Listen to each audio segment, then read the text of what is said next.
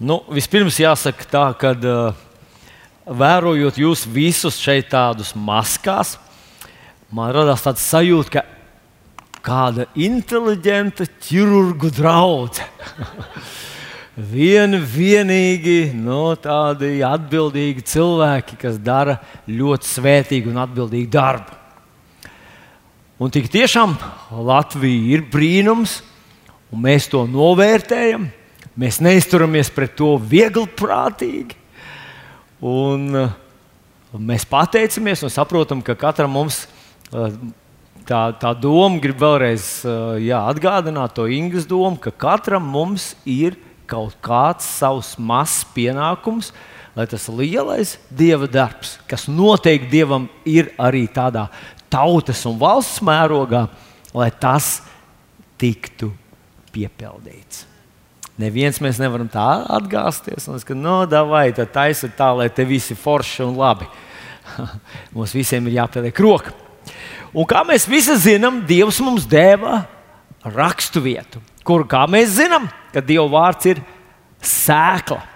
Ja mēs to paņemam savā sirdī, ja tu paņemsi Dieva vārda sēklu savā sirdī un glabās, sargās to, tu pievērsīsi tai uzmanību, tad tā augs, tad tā izmainīs tavu dzīvi, ietekmēs to tā, kā nekas cits.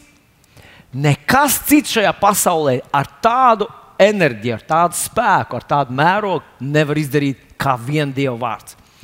Un Dieva vārda sēkla, kur Dievs mums ir devis šim laikam, ir iesaistīta grāmata, kur, kurš pants, kur nodaļa? 60. no 1 līdz 5 pantam. Un šajā rītā gribu vēlreiz jums atgādināt šos pirmos dažus pantus. Un, uh, es ne tikai sludināju jums, es arī pats to aktīvi cenšos savā dvēselītē paņemt. Gribu adaptēt to, gribu, lai tas uzaug manā dvēselē, un gribu, lai, lai tas, par ko šis vārds runā, lai tas manā dzīvē materializējas. Lai tas ir ne tikai tāds labs sprediķis, laba tēmas sprediķim, bet tas tiešām manā dzīvē arī piepildās. Un tātad tur mēs lasām, cēlies, topi apgaismots jo tava gaisma nāk un tā kunga godība uzlec pār tevi. Tik tiešām tumsa apklāja zemi un dziļa krēsla tautas, bet pār tevi uzlec kā saules kungs.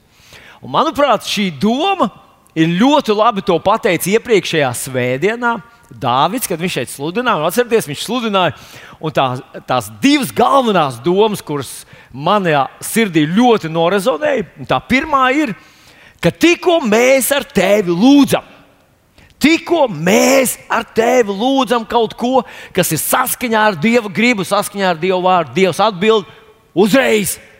Jā, jā, jā. dažreiz paiet kaut kāds laiks, un tur bija vairāk piemēru. Tu vari pārklausīties tos prediķus, bet dažreiz paiet laiks, līdz tas kļūst redzams, manifestējas. Un tajā laikā ir svarīgi, ko mēs darām.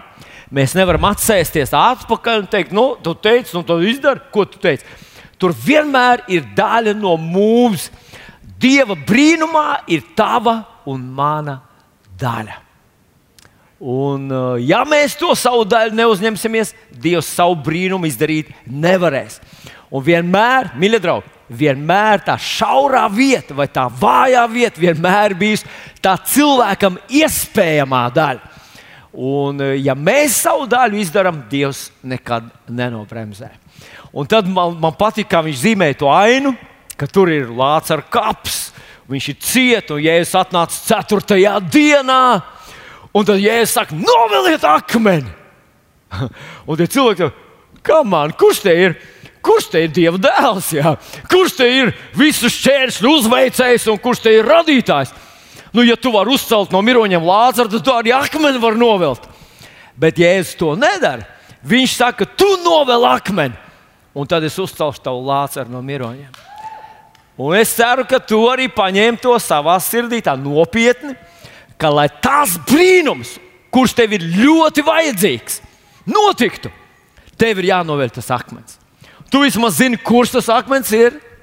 Varbūt zini, Ja tu zini, tad pieliec piepūli. Tas nebūs viegli, bet tu varēsi to izdarīt. un Dievs jau nenobremzēs. Un, mīļie draugi, šodien, manuprāt, Dievs sūta to pašu domu, citiem vārdiem, citiem piemēriem, bet acīm redzot, acīm redzot mums bremzējās tā darīšana. Vai ne? Jūs zināt to stāstu par vienu mācītāju, kurš nosludināja viens prediķis. Un, un, un pēc viņa pienāk pie viņa draudzes padomus priekšsēdētājs pēc dievkalpojuma. Saka, nē, nu, mācītāji, nu, tas gan bija sprediķis, un paldies jums. Nu, mēs tādu sen neesam dzirdējuši. Nu, mācītājs apmierināts, draugs padomus priekšsēdētājs apmierināts. Viss ir apmierināts. Nākošā svētdienā mācītājs tieši to pašu sprediķi. Un tas draugs padomus priekšsēdētājs pienāk klāt pie mācītājs. Nē, nu, klausos to otro reizi. Nu, tiešām tas bija labi, jā, tas bija stipri. Un vēlreiz uzrunāja man, nu, malacis, jā, tā tika turēt. Slavu Dievam! Paiet, pienāk nākamā svētdiena. Viņš nosludina tieši to pašu. Man vajadzētu pamēģināt to izdarīt. Ko, ko jūs darītu? Mēs tev atlaistu pilnu. Pamēģiniet. nu, lūk, pienāk draugs padomus priekšsēdētājs. Nē, nu, tas bija labs predikts, bet ne jau tik labs, lai to klausītos trešo reizi. Pienāk ceturtā svētdiena, viņš nosludina vēlreiz to pašu. Draudz vairs nav nekāda draudz, viss kūsā, burbuļo. Dusmās, par ko viņam naudu maksā? Un viņi visi saka, ej, kas tas ir? Tu nestāsti mums vēlreiz to pašu, mēs to esam dzirdējuši. Nu, tas bija labs, bet nu, ceturto reizi klausoties, pilnīgi, pilnīgi mušiņš skrien pa muguru. Mācītājs saka, un kad jūs beidzot kaut ko sāksiet darīt? Kāds nekauņa pareizi mācītājs. Tas tā kā bērns tur runā, neviens jau tev neklausās. Tu sev runā un aizgājējiem. Tas viņa pēdējais predikts, lai viņš labāk klausās tagad. nu, lūk, es ticu, ka Dievs šodien grib kaut ko atgādināt, tāpēc, lai tu un es nebūtu aizmāršīgi klausītāji, bet darba darītāji. Bet ievēro, kas te ir teikts. Jā, ir krēsla un ir tumsa. Bet pār tevi, uz ko tu skaties? uz gaismu. Un man tas atgādina raksturvietiņu no, no Lūkas evanģēlīja 21. nodaļas. Un tur, tur ir interesants teksts, kur Jēzus mums saka, un viņš šeit saka tā, ka tas sāk piepildīties Lūkas 21, 28. Tad stiprinieties, paceliet uz augšu savas galvas, jo jūsu pestīšana tuvojas. Un kādreiz mēs tā neuzmanīgi lasot, varam domāt, nu, ka Jēzus sāk teikt, saulīte uzlec un mākoņi izklīst, un maija siltais uh, vējiņš uzpūš. Nu, tad sagatavojieties pestīšana tuvojas. Bet īstenībā tas, par ko viņš runā, viņš runā par pēdējo laiku pazīmēm. Un, ja mēs gribētu salikt kopā visas tās nodaļas, kuras runā Bībelē par pēdējo laiku pazīmēm, tad bilde būtu apmēram tāda: karš, dumpis, pilsoņu karš, klāns ar klānu karo. Uh, tad viņš teica, bats, mēris, uh, zemestrīces. Tad viņš saka, ka būs jūra celsies, un cilvēki būs neziņā. Un tad būs zīmes pie saules, pie mēneša un pie zvaigznēm. Un zvaigznes kritīs uz zemes. Un tad šajā laikā kad viņš apraksta kolīzijas vai nelaimes, kurām ir tāds absolūti pandēmisks raksturs. Viņš saka, šajā laikā paceliet savus galvas. Kāpēc paceliet galvas? Jo normāli mēs visi skatāmies apkārt. Vai, vai, vai jūs dzirdējat, kas tur notiek? Vai jūs dzirdējat, kas tur notiek? Ārprāts, kas mums priekšā sagaida? Viņš saka, paceliet savus galvas, stiprinieties un redziet pestīšanu, kas tuvojas. Pestīšanu, kas tuvojas. Halleluja! Tas tas laiks, uz kuru mēs dodamies, un viņš mums māca, lai mēs neskatāmies uz briesmām, skatāmies uz glābēju, Jēzus vārdā. Nu, lūk, un man likās šī raksturvietiņa no ISS 60 cēlies, kādās situācijās tā tiek pielietota. Un es paņēmu savu elektronisko bībelīti un ierakstīju meklētājā, celies! vecajā un jaunajā derībā. Un man izlaiž ārā 132 rakstu vietas, kuras runā par to, ka vajag celties. Un dažas no tām ir absolūti tādas, nu, tādas ikdienišķas situācijas.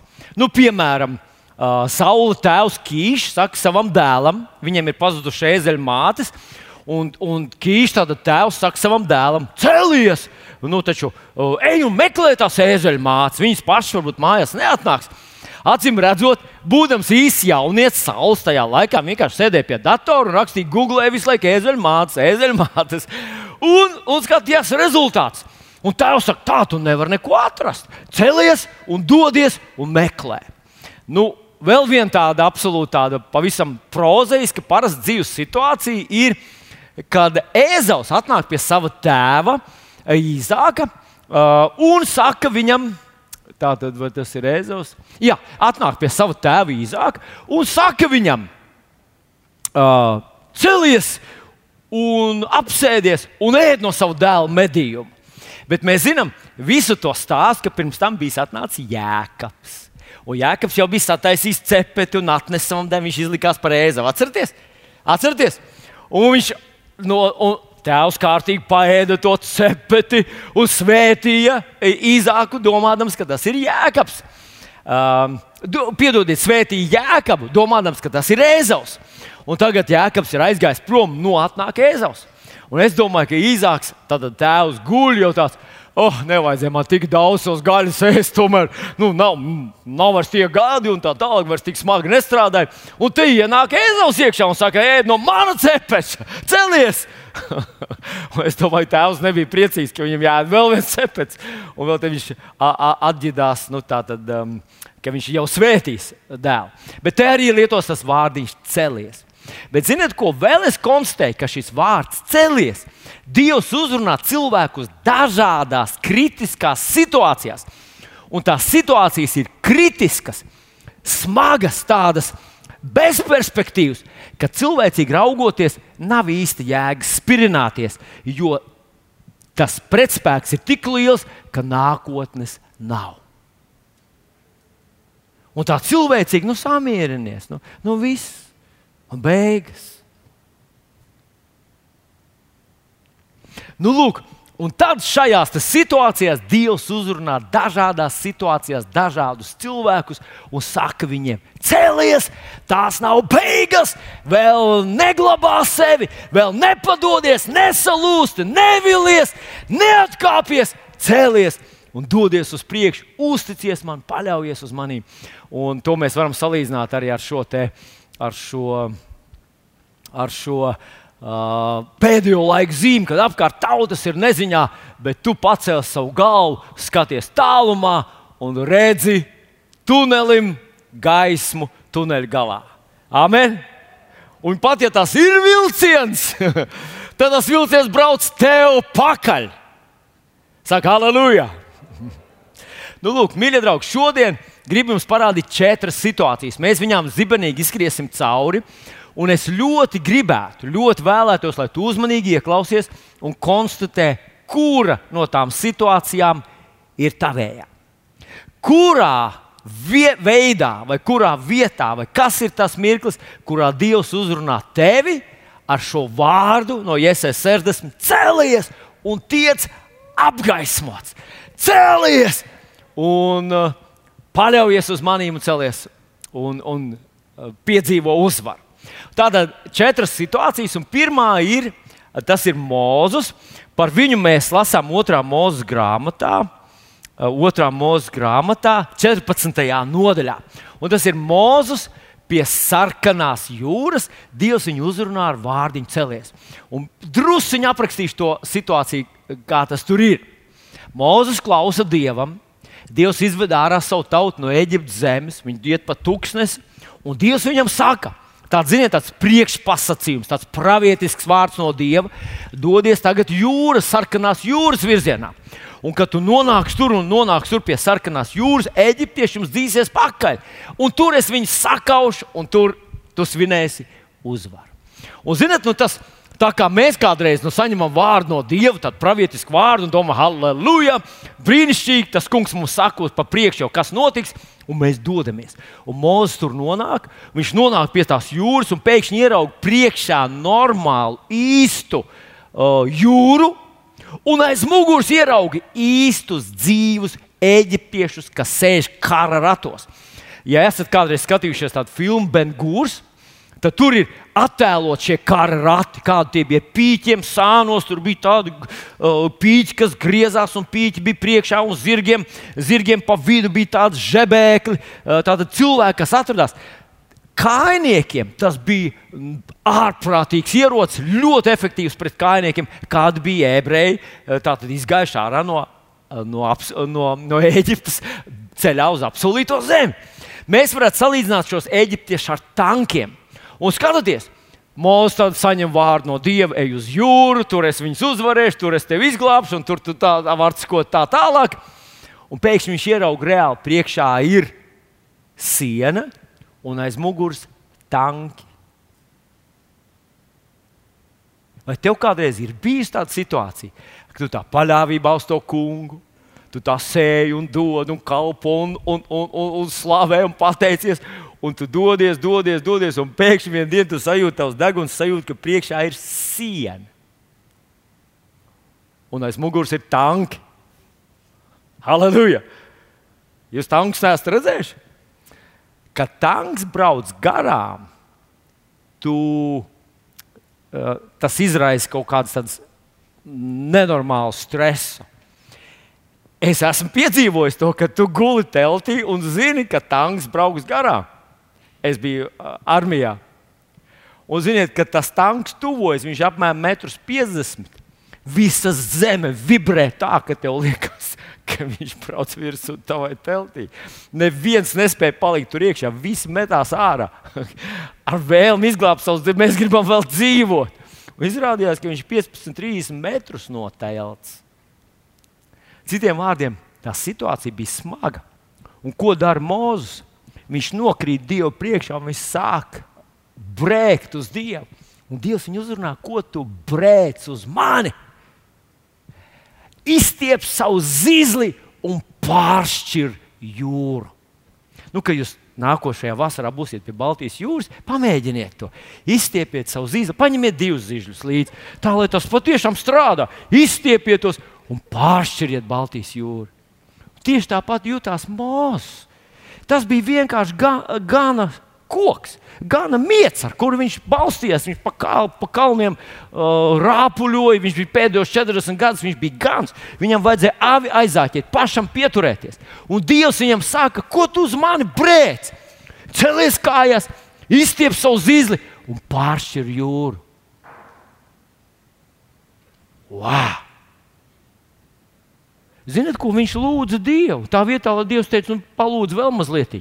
Dievs teica, ko tu brēc uz mani?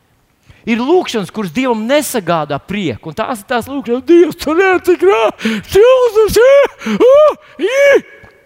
ko tu brēc uz mani? Piecelies, lieto savu ticīgā vārdu, runā ticības vārdus, paskaties tam briesmām acīs un pasaki viņam, cik briesmīgs ir tavs Dievs. Un Mozus to izdara. Mozus pieceļās, aiziet pie jūras, izstiep savu slotu skatu un pavēl jūrai pāršķelties. Un vai zināt ko? Zinātnieki ir konstatējuši, ka tāds fenomens ir iespējams. Viņi ir aprēķinājuši, cik ātri vējam ir jāatriecās, un tur rakstīts par vēju visu nakti. Spēcīgs vējš, dzina ūdeni, tā ka ūdens var stāvēt tā kā siena. Tas ir iespējams. Zinātnieki, mūsdienu zinātnieki to ir konstatējuši. Viņi ir izreikinājuši, cik kilometru stundā tam vējam ir jātriecās. Tāds fenomens pasaules vēsturē ir bijis. Un viens no tiem bija tur. Un tā bija situācijā, kad viens vīrs sadzirdējis dieva celies. Tā vietā, lai teiktu, Dievs, kur tu esi? Es domāju, ka tas darbojas.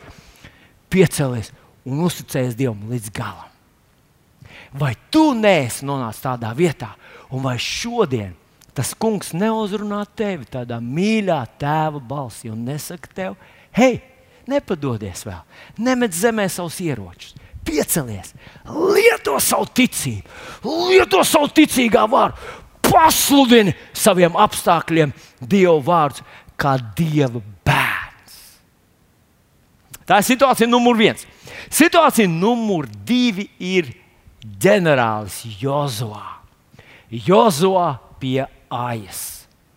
Un ziniet, kas ir interesanti, ka viņš Jozo piedzīvoja brīnumainu uzvaru pie Jerikas, milzīgi neieņemama cietokšņa, un viņi to brīnumaini uzvarēja.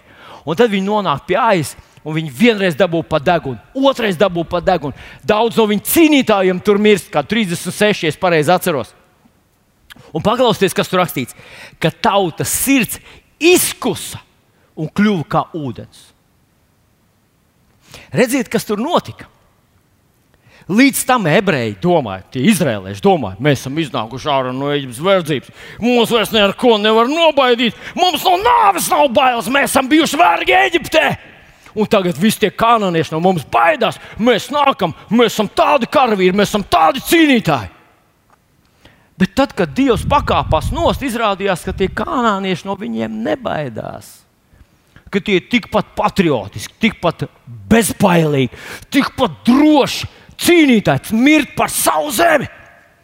Un nu bailes pārņem izrēliešus.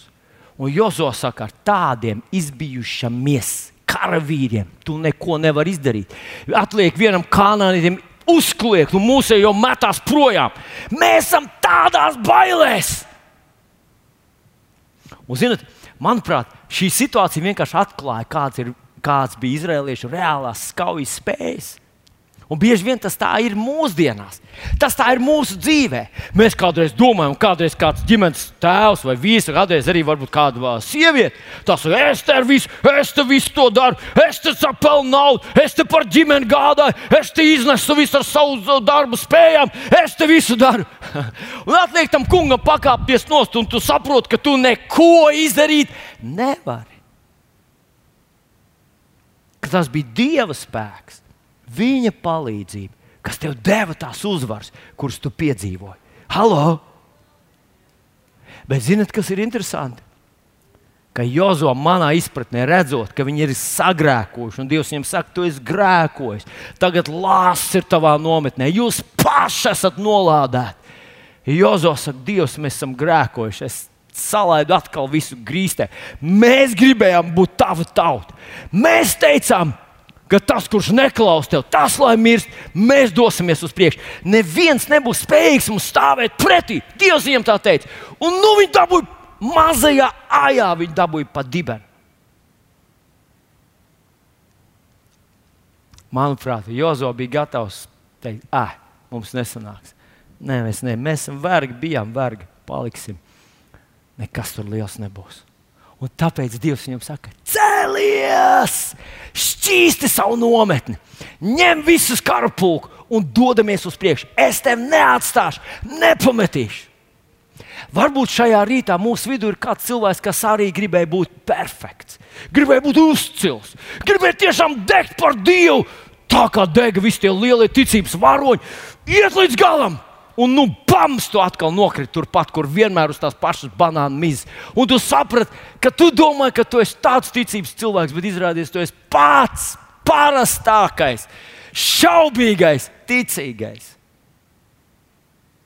Un tu esi gatavs sev norakstīt, un teikt, ah, nu labi, laikam jau man nesanāks nekas dižens. Būšu parasts, remdens kristietis. Ļauj man pateikt vienu noslēpumu, tikai to tu nevienam nedrīkst teikt. Ja tu uzmanīgi lasīsi Bībeli, tu konstatēsi, ka visi patriarhi, visi lielie varoņi, visi lielie pravieši, visi lielie ķēniņi, visi mācekļi ir darījuši ļoti lielas un radikālas kļūdas. Viņi ir vīlušies, atkāpušies, baidījušies, neticējuši un darījuši vēl briesmīgākas lietas. Mīļais draugs, Dievam nekad nav bijis perfekts materiāls. Dievam nav neviena cilvēka, kurš būtu bijis perfekts viņa uzdevumā, izņemot vienu. Mēs zinām viņa vārdu. Un tu tas nesi.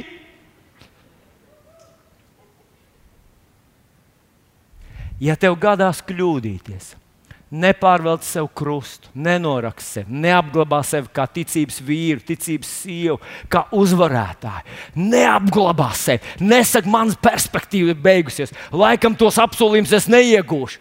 Nedari tā, jo Dievs tā nedara. Un Viņš tev šodien saka, mīļi un maigi celies. Šķīsti savu dvēselīti, un es esmu gatavs doties ar tevi tālāk un uzvarēt aju un iegūt visus tos apsolījumus, ko Dievs tev ir solījis dot. Tā ir otra situācija. Un tad ir trešā situācija. Trešā situācija ir Bartimēs, aklais Bartimēs.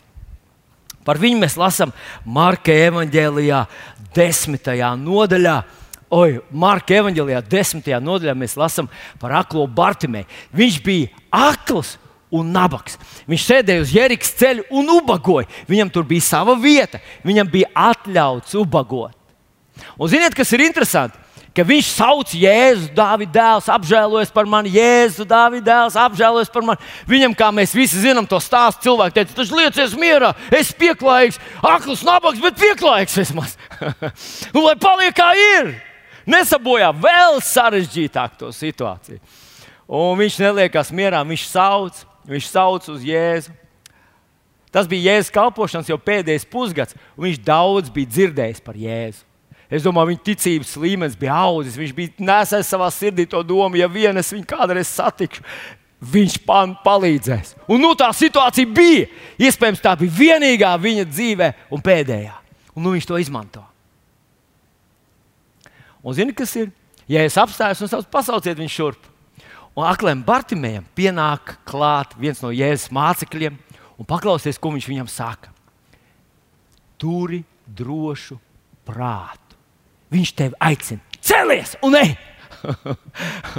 Man liekas, tas bija viens no pieredzējušiem mācekļiem, kurš teica, ka, zini, pie Jēzus nevar atnākt. Es nezinu, ko dziedināt, nedziedināt, var, var, var palīdzēt. Ne, es pat nezinu, varbūt man tā slimība nāk pa labu, varbūt es būtu pavisam mežons, ja es nebūtu slims un tā tālāk. Nu, ka tā tu nevari Jēzus. Turi drošu prātu. Viņš tevi aicina. Tas nozīmē, rīkojies ticībā. Un zinot, kas man patīk pie aklā Bartimēja, ka viņš piecēlies, viņš nomet savu mēteli nost. Redzi, ja tu lasi uzmanīgi veco derību, tu redzēsi, ka tur ir aprakstīts, kā, kā priesterim jāģērbjas, kas viņam jāliek galvā, kādam jābūt viņa mētelim. Tur aprakstīts, kas jāvelk ķēniņam. Tur ir aprakstīts, kas jāvelk uh, mugurā spitālīgiem. Un spitālīgiem viens no, viens no noteikumiem spitālīgā drēbēm ir jābūt saplēstām. Tā kā, ja tu redz šodien modernas bikses, modernas krēklus, ja, modernu mēteli, modernu li, lietu sargu, ja, viņam jābūt sasmalcinātam. Tas, tas no turienes, ja. Modne neko jaunu neizdomā. Viņa lasa Bībelē, ah, spitālīgais ir saplēsts, viss. Taisam augšā spitālīgā drēbes, pasauli pirks. Un tiešām pērk. Cilvēki maksā naudu par saplēstām lietām. Es to saku tāpēc, ka arī spitālīgā tas mētelis liecināja par viņa statusu. Tas mētelis liecināja, ka viņš drīkst ubagot. Tas mētelis liecināja, ka viņš var doties iekšā pilsētā un no viņa neprasīt nodokļus. Tas mētelis no, no, nodrošināja viņam zināmus sociālus labumus. Un tad, kad viņš dzirdēja, tur ir drošu prātu, viņš tevi aicina. Viņš teica, man to vairs nevajadzēs. Paklausies, vai nav jocīgi, ka mēs ar tevi sadzirdējām viņa aicinājumu? Sadzirdējām, ka viņš uzrunāja mūs vai jaunībā, vai, vai, vai pusmūžā, vai, vai bērnībā.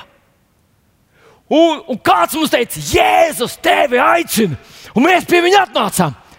Bet mēs to nabaga mēteli negribam atstāt. Ah, kas to zina, vai ne? kas to zina? Vienu dzīvi, vienu dienu atkal būs grūta situācija, Covid-20 būs. Un tad vajadzēs to mērķi. Atkal es ubagotu, atkal man nebūs, atkal es nevarēšu, atkal nespēšu. Un Bartimēs teica, nē, man to vairs nevajadzēs nekad. Varbūt tu šodien velc līdzi tās šaubas, to, to atpakaļceļu. Ja? To atpakaļceļu. Jā, es eju ar jēzu, ja viņš man palīdzēs, tad būs labi. Bet, ja nē, kas notiks tad? Ko tu darīsi, ja Jēzus tev nepalīdzēs?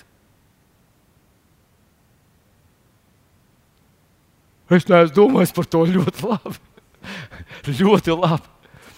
Bet, ja tu esi norezervējis sev kādu atkāpšanās ceļu, tad šodien viņš tev uzrunā. Cēlies, tur ir drošu prātu.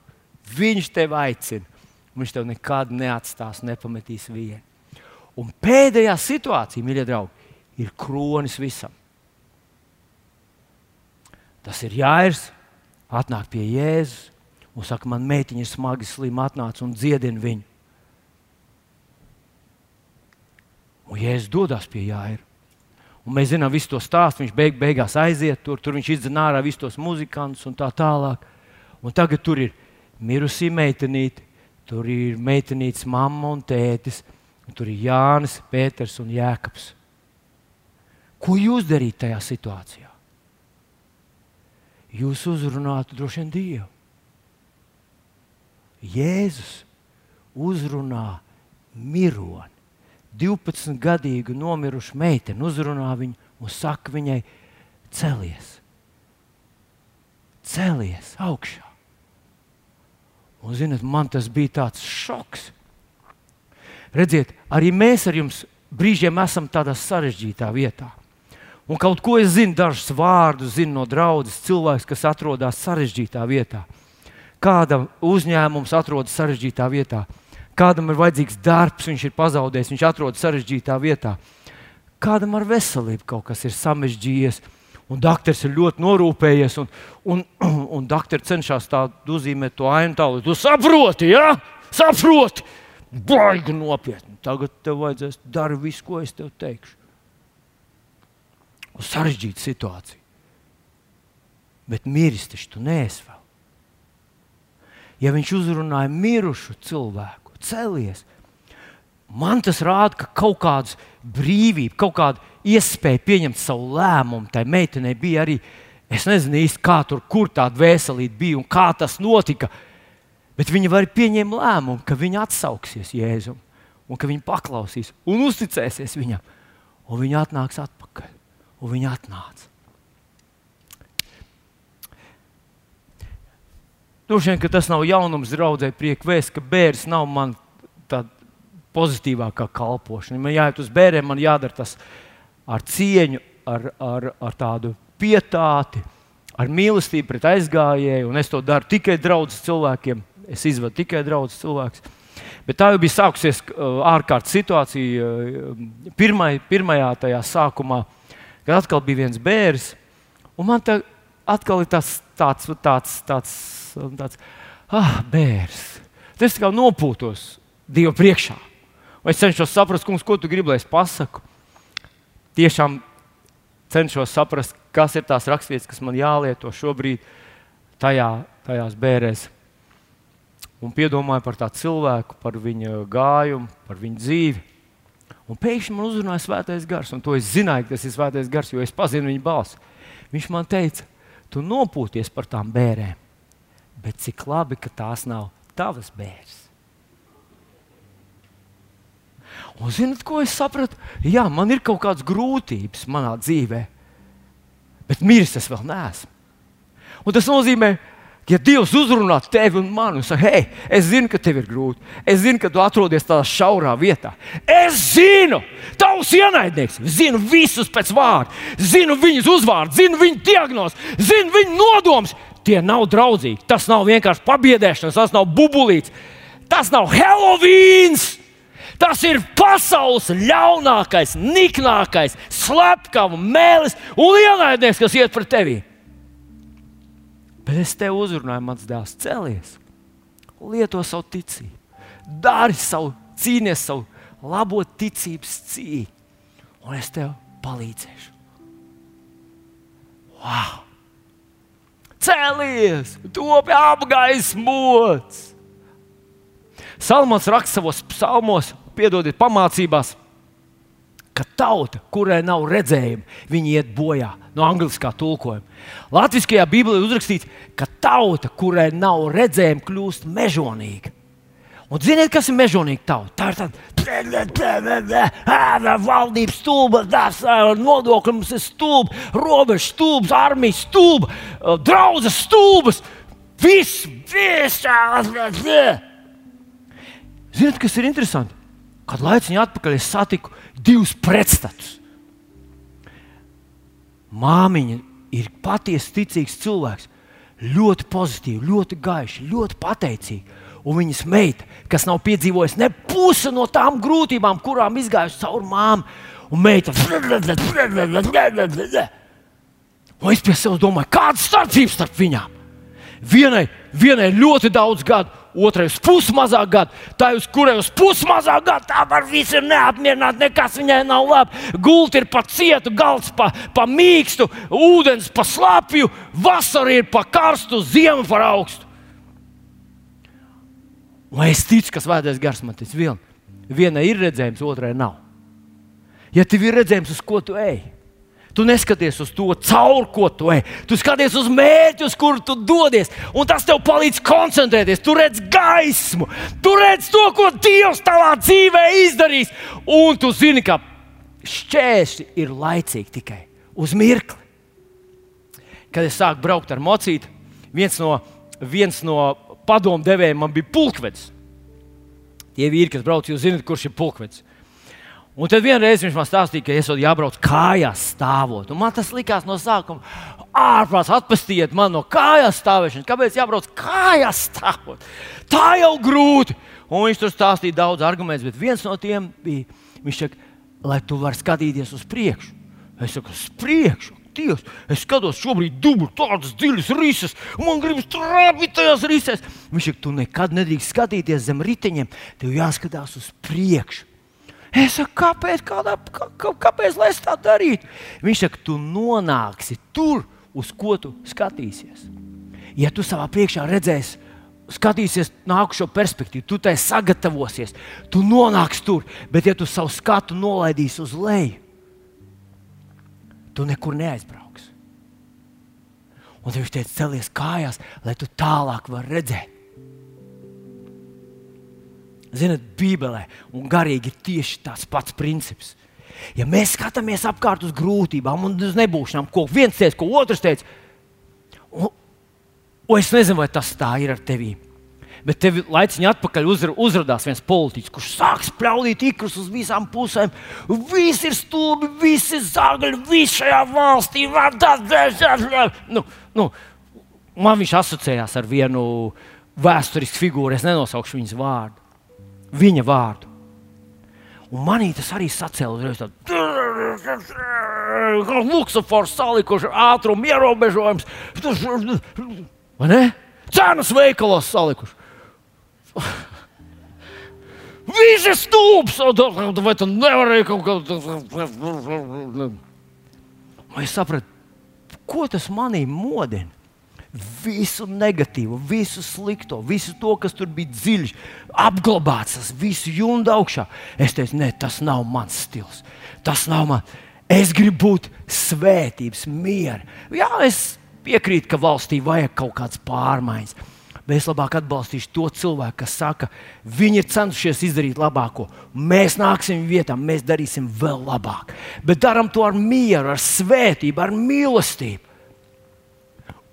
Un šodien, kad Dievs sūtīja šo vārdu mums ar tevi, celies, celies, ieraudzīj gaismu savā priekšā. Bez šaubām ir tumsa pār zemi un ir krēsla pār tautām. Bet, ja tu uz to skatīsies, tad tu neaizies tai garām. Tas skars tevi, tā ienāks tevi. Jo redz, tas, uz ko tu skaties, tas nosaka to, par ko tu domā. Un tas, par ko tu domā, nosaka to, kur tava dzīve virzās. Un Jēzus mums saka, domājiet par pestīšanu, domājiet par gaismu, ieraugiet to, ka jūsu dzīves vienādojumā jūs nesat vieni. Cēlies! Cēlies! Tas nav tāds cēlies, cēlies muļķi, cēlies, kur tu tur izgāzies, cēlies uz stūbeni, cēlies liņķi. Nē, tas ir tāds mīļš tēva mātes celies. Celies mūzika, celies vilni. Es vēl neesmu beidzis ar tevi. Tā jūra, kas ir priekšā, pašķirsies. Lieto savu ticību, es esmu tev blakus. Jāzovā, tu esi salaists grīstē, tu esi paklups, tu esi izdarījis grēku. Pēter, tu esi aizliedzis man. Celies, es tev šķīstīšu, izmet grēku no, savu, no savas dzīves, un es došos ar tevi, un tu uzvarēsi to ienaidnieku, kas šodien tevi ir iebaidījis. Un tad, ja tu esi aklais Bartimējs, nomet to veco identitāti, tu vairs neesi tas vecais, tu vairs neesi pamestais. Tu neesi bārens, neesi uh, nodotais, nespēcīgais, nevarīgais, nezinošais. Tu tāds nesi. Es esmu ar tevi. Cēlies, skaties uz gaismu, ieraugi gaismu, ieraugi manu darbu savā dzīvē, un tu uzvarēsi. Un beig, beigās vēlreiz. Varbūt tava situācija ir grūta Varbūt tu esi jaunietis, varbūt skolā tev ir ļoti grūti, varbūt tevi izsmeja, varbūt tu neko neizcelies tur. Bet vai tu neesi dzirdējis, ka daudz no super ietekmīgiem cilvēkiem, runājot par savām skolas gaitām, stāsta, ka es biju atstumtais, es biju neglītais pīlēns, visi ņirdza par maniem. Un tas man palīdzēja kļūt par to stipro personību, kāda es esmu šodien. Varbūt tava situācija ir grūta, bet mīris tu vēl nesi. Varbūt tava veselības situācija ir grūta, varbūt tava iedzimtība ir drāmīga, varbūt tava gēna nav izcila, varbūt tavas finansiālās prasmes ir pieticīgas. Bet mīris tu nesi. Un, ja Dievs uzrunāja mirušo celies, viņš šodien kā tēvs mīlestībā, uzlūkojot savu meitiņu un savu dēliņu, saka, hei, neskaties apkārt. Tā brīnuma sākums ir tevī, tavā lēmumā.